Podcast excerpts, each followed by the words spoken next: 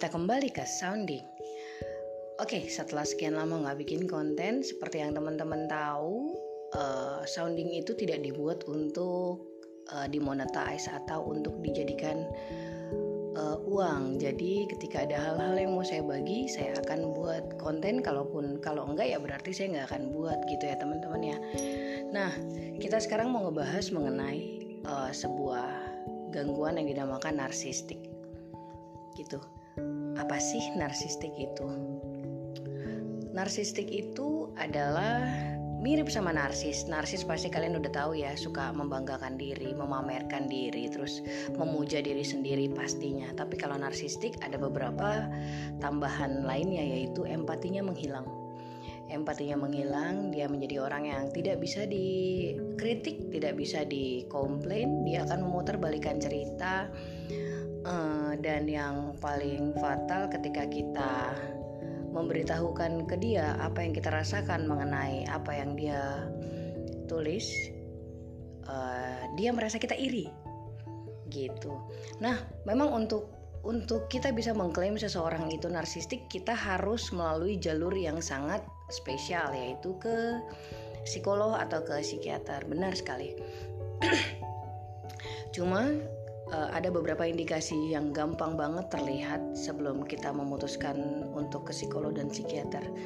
Gampangnya adalah ketika seseorang bermain di sosial media membanggakan diri sendiri boleh. Biasanya dia membanggakan diri sendiri sih. Uh, tapi di situ ada banyak kata-kata yang menyindir orang lain, menyinggung orang lain, menyakiti orang lain yang dia lakukan tanpa sadar. Gitu kalau misalnya nar, uh, kalau misalnya narsis sama nggak sih narsis sama narsistik? Jelas enggak narsis itu dimiliki sama semua manusia. Uh, narsistik itu pengembangannya dari narsis di mana uh, sudah kelewat batas lah ibaratnya. Ada yang salah dengan kita posting diri sendiri? Nggak ada. Ada yang salah dengan kita memuja diri sendiri? Nggak ada juga. Ada yang salah dengan kita merasa cantik kita merasa ganteng kita merasa kaya kita merasa keren? Nggak ada juga tapi ketika kamu melabel diri kamu seperti itu dan kamu tampilkan di sosial media dengan memberikan imbuhan bahwa saya keren, kamu enggak. Atau saya cantik karena saya melakukan ini, kamu jelek karena kamu enggak melakukan ini. Atau saya begini, saya menjadi lebih sehat, kamu enggak melakukan hal yang seperti saya, berarti kamu akan lebih cepat mati. Nah, hal-hal itu, indikasi-indikasi itu, yang mau saya kasih tahu di sini bukan bagaimana caranya untuk uh, memfonis orang lain, bukan, tapi lebih ke menjaga ketenangan hati, menjaga ketenangan batin kita sebagai orang yang ada di lingkarannya. Karena kalau penyakit lain itu gampang dideteksi bahkan sama orangnya sendiri. Contoh gampang seperti teman-teman yang mungkin mengalami depresi, bipolar, skizofrenia, dia pasti menyadari ada yang aneh nih dari saya. Kenapa nih habis nangis saya bisa ketawa begini? Saya kok bisa melihat yang orang-orang gak bisa lihat? Saya kok ngerasa begini, mood swing saya berantakan. Nah, kalau narsistik itu enggak. Narsistik itu merasa bahwa seluruh dunia salah, saya yang benar. Seluruh dunia itu parah, saya yang paling benar. Gitu. Nah, jadi nggak ada obat untuk teman-teman yang narsistik kecuali memang Tuhan yang mengobati menurut saya. Selama dia tidak tetap tidak mau menerima uh, komentar tetap tidak mau menerima masukan orang lain.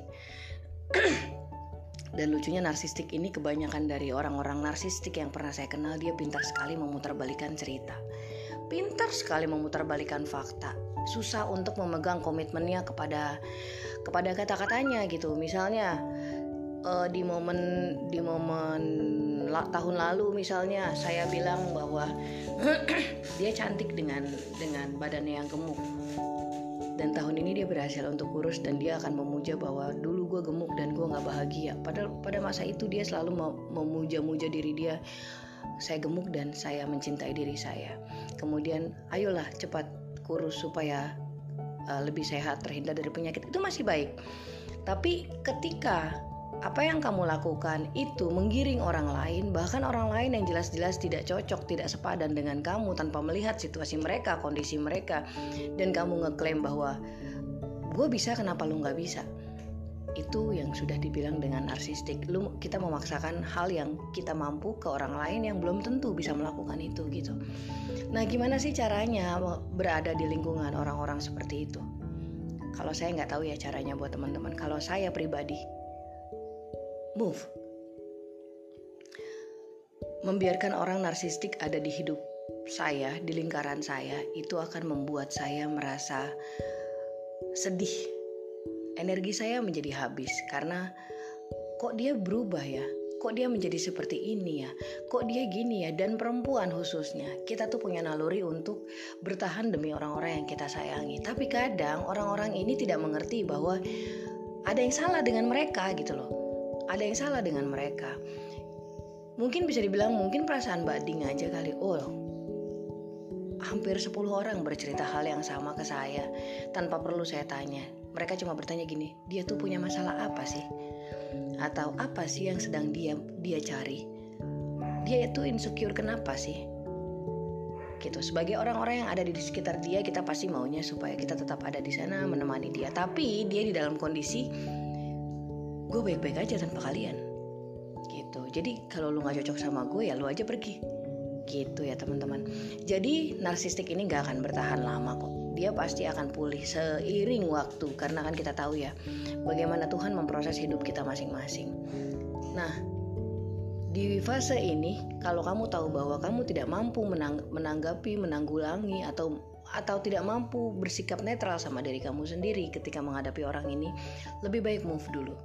Move dulu sampai nanti kita bisa melihat bahwa dia membaik gitu ya teman-teman ya jangan pernah memaksakan jangan pernah memaksakan langkah kita berada di satu jalan yang memang jalan itu tidak buat kita. Gitu. Saya bisa ngomong gini karena uh, saya tiga tahun berteman dengan uh, berurusan dengan orang seperti ini dan saya uh, berada di sana. Saya berada di tempat di mana saya diam dan saya mengejar dan saya ayolah pulang ayolah kembali ayolah benerin ayolah ayolah ayolah. By the way ini bukan pasangan saya ya ini lingkaran pertemanan saya tadinya. Tadinya teman saya Nah, sampai sekarang pun saya masih menganggap dia teman. Entah dia seperti apa ya, tapi lebih ke udah dulu deh gitu. Selesai dulu deh sampai nanti kita berdua dipertemukan dengan frekuensi yang sama lagi. Gitu ya teman-teman ya. Jadi ini langkah terbesar yang pernah saya ambil di dalam sebuah pertemanan. Saya melepaskan orang yang dekat dengan saya selama tiga tahun tapi di dalam kedekatan kami selama tiga tahun pun nggak sekali dua kali dia pergi. Nggak sekali dua kali dia meninggalkan saya tanpa kabar, meninggalkan saya tanpa hal-hal yang bisa saya mengerti. Tapi apa pun itu, ternyata situasi sekarang menjadi seperti ini dan menurut saya I'm enough. I'm done, I'm enough.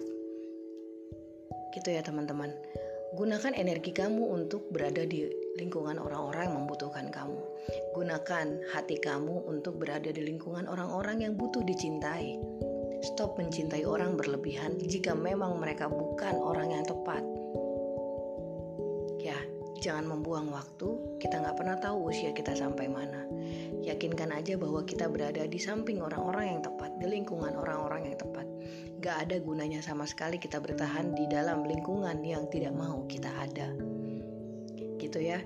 Jadi uh, kutipan terakhir buat narsistik. Biasanya ini berawal dari rasa insecure. Walaupun mereka tidak pernah mengakui itu ya.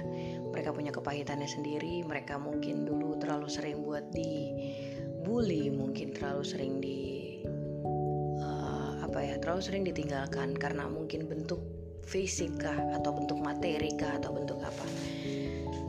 Tapi ya sudah gitu. Itu bukan urusan kita sebenarnya. Kita nggak bisa ber, kita tidak bisa melakukan pembiaran terhadap orang lain memperlakukan kita atas dasar penyakit-penyakit atau dasar atau atau atas dasar masa lalu masa lalu mereka. Gitu ya. Oke gitu dulu teman-teman. I love you